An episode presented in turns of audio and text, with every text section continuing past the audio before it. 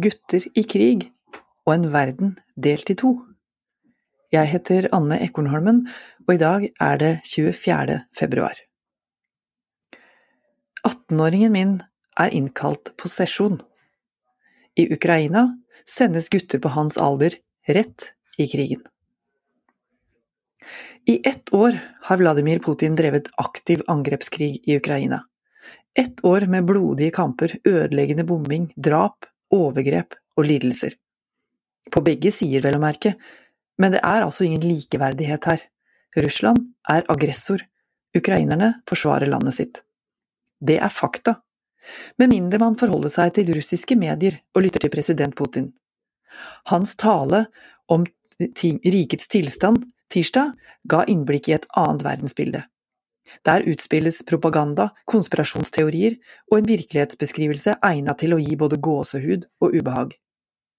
Putin legger skylda for krigen, eller den militære spesialoperasjonen, som han kaller det, på Vesten.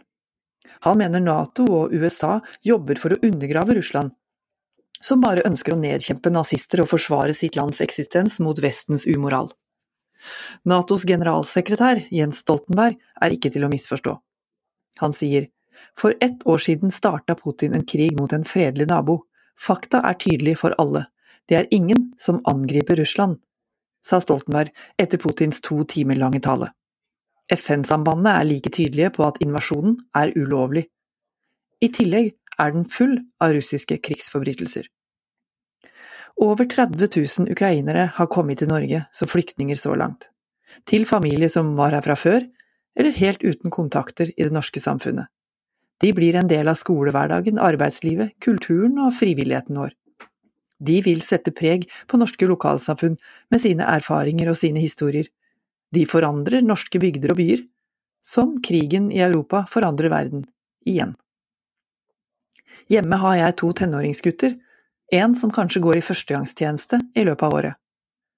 Min egen oppvekst og ungdomstid var prega av den kalde krigen, etterdønningene etter atombommene over Hiroshima og Nagasaki samt verdenssamfunnets balansering på knivsegg under Cuba-krisa i 1962, gikk over i nedrustningsavtaler, lavere beredskap og en ny vår da Berlinmuren falt i 1989. Med Russlands uakseptable krigføring deles verden nok en gang i to, sånn Ole Jakob Sending, forskningsdirektør ved NUPI, sier til Aftenposten. USA, EU, Japan og Sør-Korea på den ene sida, med autoritære regimer som Kina, Russland, Iran og Nord-Korea på den andre. Skillelinjene understrekes av Joe Bidens overraskende og svært symboltunge besøk hos Volodymyr Zelenskyj i Kiev tidligere i uka. Der lovte den amerikanske presidenten at USA vil støtte Ukraina solidarisk i kampen mot Russland for as long as it takes. Så lenge det trengs. Det gir en slags opplevelse av å stå midt i verdenshistorien mens den skapes. Fordi det kan vare lenge. Putin sitter med nøkkelen til å avslutte krigen når han vil. Men Palle Ytstebø, hovedlærer ved krigsskolen, beskriver i VG Putins tale som en forberedelse for hans egen befolkning på at krigen vil vare og vil koste. Ingenting tyder på at Russland vil gi seg. Målet om å så splid mellom vestlige land har Putin allikevel ikke oppnådd. Tvert imot. Nato styrker seg med nye land, både Finland og Sverige blir medlemmer, Enigheten om våpen, støtte og bistand til Ukraina er brei. En slags trygghet i det, på sitt vis, men også urovekkende i sin sannhet. Verdenssamfunnet er forberedt på å leve lenge med krig i Europa. Ukrainerne må leve med krig i sine hjem, holde ut. Norge må leve med en nabo i øst som er uberegnelig, uforutsigbar og ubehagelig i sin retorikk, en autoritær leder som bruker avskyelig rådskap, som Biden sa. Forholdet mellom Norge og Russland blir aldri det samme igjen. Etter tiår med nedrusting er våpen, militær styrke, beredskap og forsvar på nytt blitt et voksende post på statsbudsjettet med den største selvfølge og brei politisk støtte. Krigen minner oss om hvorfor vi har et forsvar, for alt vi har og alt vi er.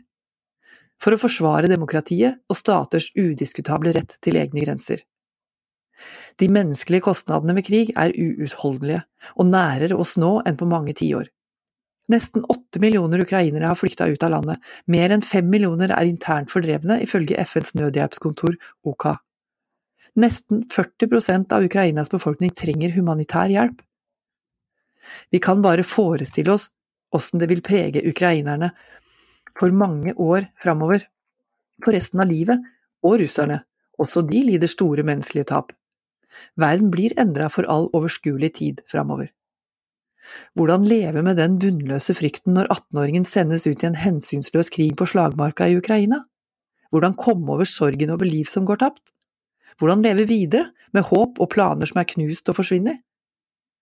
Tanken på at min egen sønn skal kle seg i militæruniform og kanskje gå i førstegangstjeneste i løpet av året, gjør det skremmende lett å leve seg inn i ukrainske mødres, koners og søstres situasjon. De er bare 18 år gamle gutter. Nå har du hørt Nasjonen på øret, og hvis du vil ha flere kommentarer lest opp på denne måten, så finner du dem på nasjonen.no, eller der du hører podkast. Ha en god dag.